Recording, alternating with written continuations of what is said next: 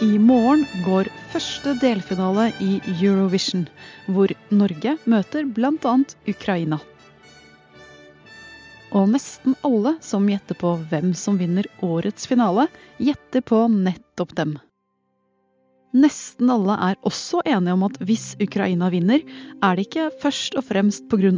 låta deres, men pga. den blodige russiske krigen. Men når Europa samles til vennlig kappestrid om sang, bør storpolitikken bli med inn i salen? Det er mandag 9. mai. Jeg heter Marte Spurkland, og du hører på Forklart.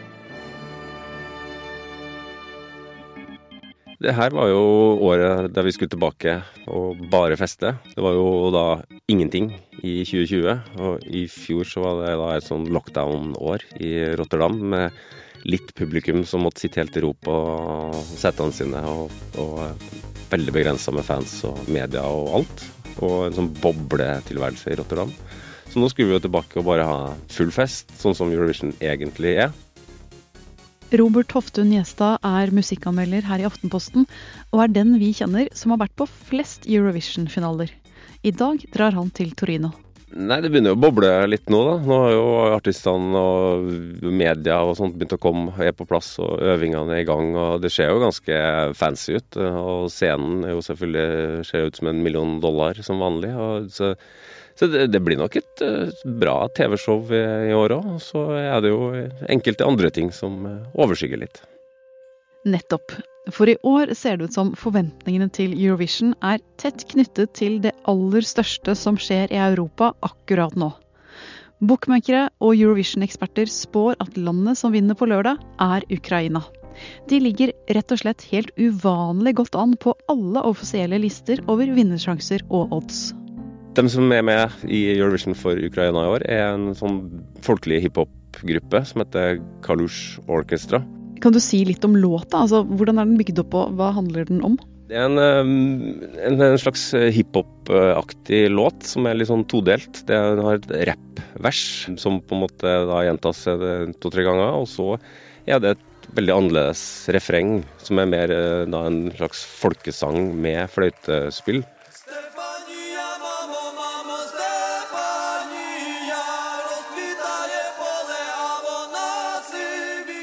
Og det er jo en slags klassisk grep da, i, i eh, Eurovision-sammenheng fra en del land. og At du har en ganske sånn moderne låt i bunn, og så legger du på det som vi på en måte kaller litt etniske elementer på toppen. Og det bruker ofte å være en suksessfaktor.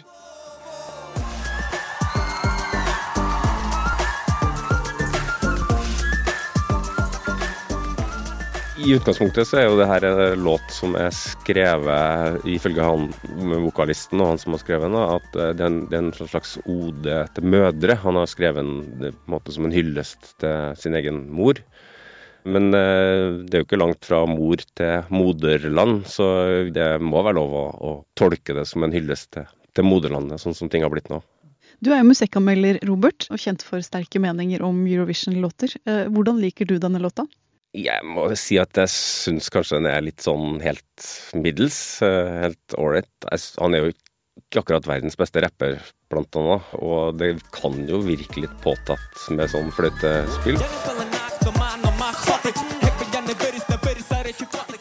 Men den er jo litt fengende, det er det ingen tvil om.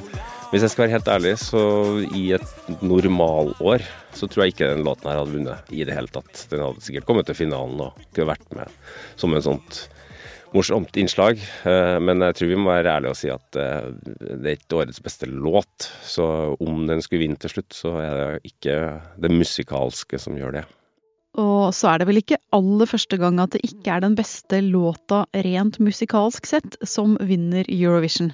Men hvis Ukraina vinner i år, blir det første gang seieren er helt klart politisk. Og da blir også verdens største musikkonkurranse endret for alltid.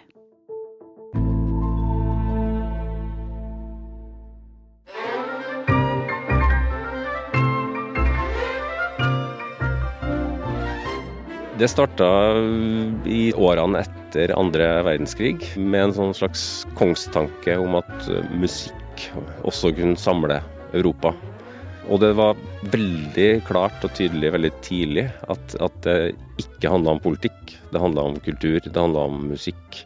Vi skulle samles og konkurrere mot hverandre, men med på en måte en sånn slags respekt i bunn. Og at musikken skulle samle Europa på et eller annet vis.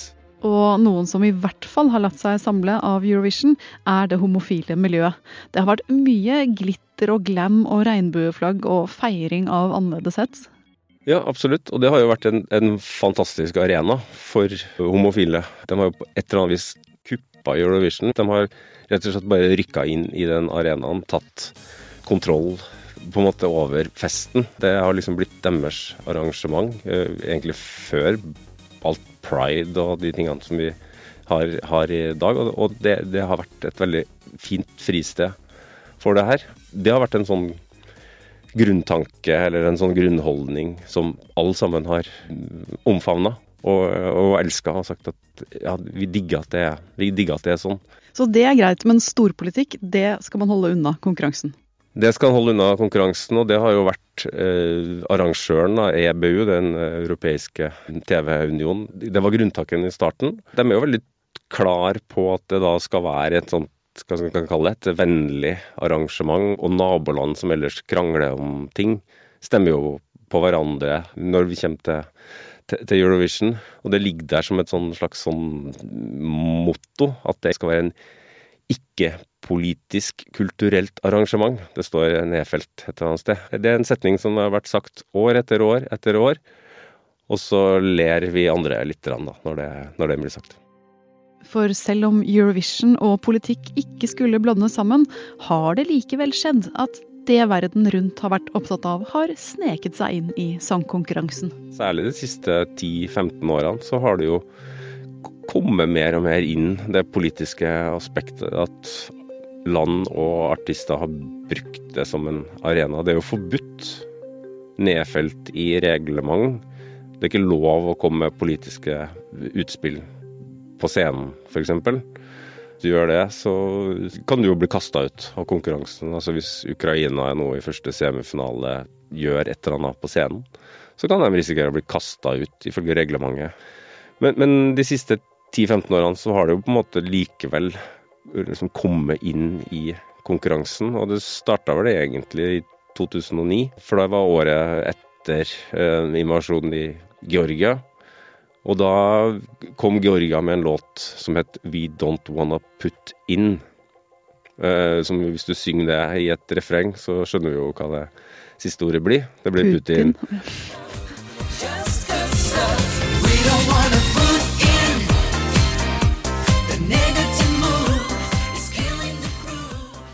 Og da fikk de beskjed om at eh, det er ikke greit. Den låten får dere ikke være med. med. Eh, dere må skrive om teksten. Og så nekta Georgia å skrive om teksten, og så trakk de seg fra konkurransen. Og så kom vi jo da til 2016, eh, to år etter at eh, Russland annekterte Krimhalvøya. Da kom jo Ukraina igjen da, med en, en låt som het 1944, som da handla om deportasjon av krimtartarene i andre verdenskrig.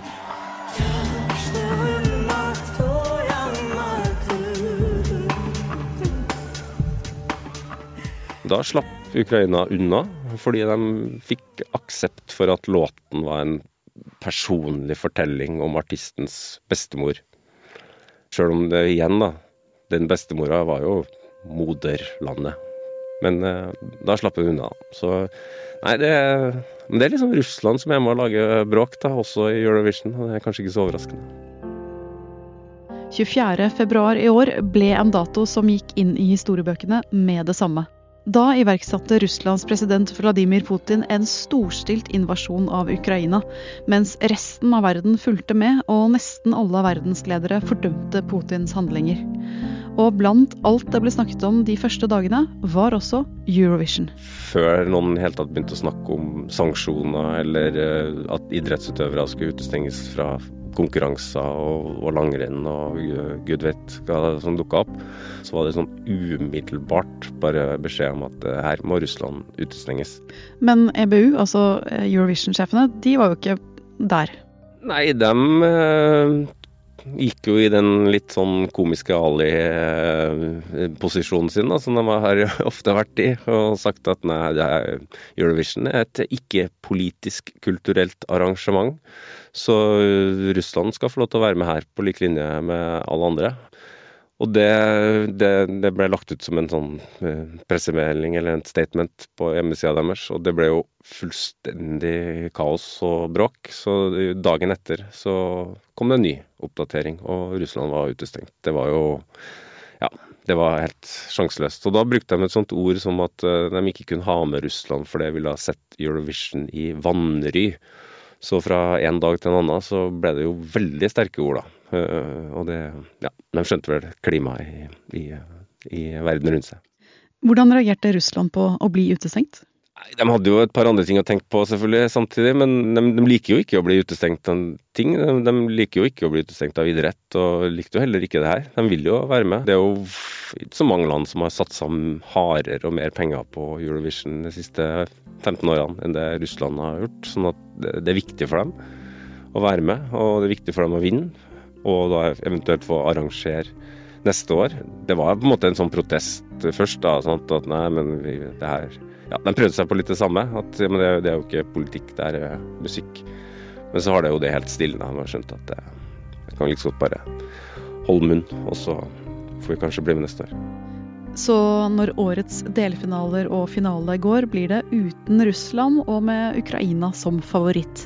Og Robert, det betyr at Eurovision-sjefene må innse at politikken er i salen i år? De blir jo nødt til å forholde seg til det. De har tatt et nytt standpunkt. De har utestengt et land, og dermed så endres jo spillereglene for hele konkurransen. Og for oss som ser på, da, hvordan tror du denne antikrigsholdningen kommer til å se ut på TV-skjermen? Det ligger jo an til at det blir en slags støttekonsertuke for Ukraina. Det tror jeg alle sammen tenker at ja, selvfølgelig, og det er helt greit, og det er helt riktig, og det blir er sikkert sterkt og fint. Men jeg er litt spent på hvordan arrangøren legger opp det her. Altså hvor mye det liksom legges vekt på. Det får vi jo se litt tirsdag kveld, når Ukraina er med i første semifinale. De kan ikke gå og veive med flagg og plakater på scenen eller et eller annet sånt. Det er jo ikke lov, da kan de bli kasta ut. Men jeg har jo sett prøver, og, og lyssettinga på scenen bak er jo selvfølgelig gul og blå og veldig eh, sterk. Og så vil jeg jo tro at salen, som vanligvis bruker å være full av forskjellige flagg og regnbueflagg. Der vil det nok bli ganske mye blått og gult òg. Så får vi rett og slett se så hvordan det arter seg. Det er også som han eh, prosjektlederen i NRK har sagt til meg, at eh, er det ett år det er greit å bli nummer to i Eurovision, så er det i år. Og hvor kommer finalen til å være til neste år, da? Nei, det blir jo neppe Mariupol eller uh, Kiev, går jeg ut ifra. Da blir den arrangert i et eller annet annet land. Norge kan jo ta det. Eh, det koster jo 300 millioner kroner for NRK, så det vil jo bli en artig debatt om vi skal bruke penger på det eller ikke. Men eh, NRK vil jo. Den vil gjerne ha det. Den vil jo selvfølgelig helst vinne sjøl og få det, men eh, NRK tar det nok hvis den blir spurt. Og for Eurovision-sjefene i EBU så er det bare å ta frem regelboka og en gang for alle stryke den setningen som sier at Eurovision er et ikke-politisk kulturelt arrangement? Ja, du kan ta den setningen og flytte den litt nedover i eh, regelboka di og si at det her var eh, grunntanken vår i utgangspunktet. Det var en kjempefin tanke. Men vi har blitt så stor og vi har blitt så viktig som arrangement at vi skjønner at alt er politikk, og også Eurovision er blitt politikk. Det har vært det i mange år. De har bare prøvd å ikke si det. Men eh, nå er det Ja, det er ferdig. Vi kan Det, det er ferdig diskutert.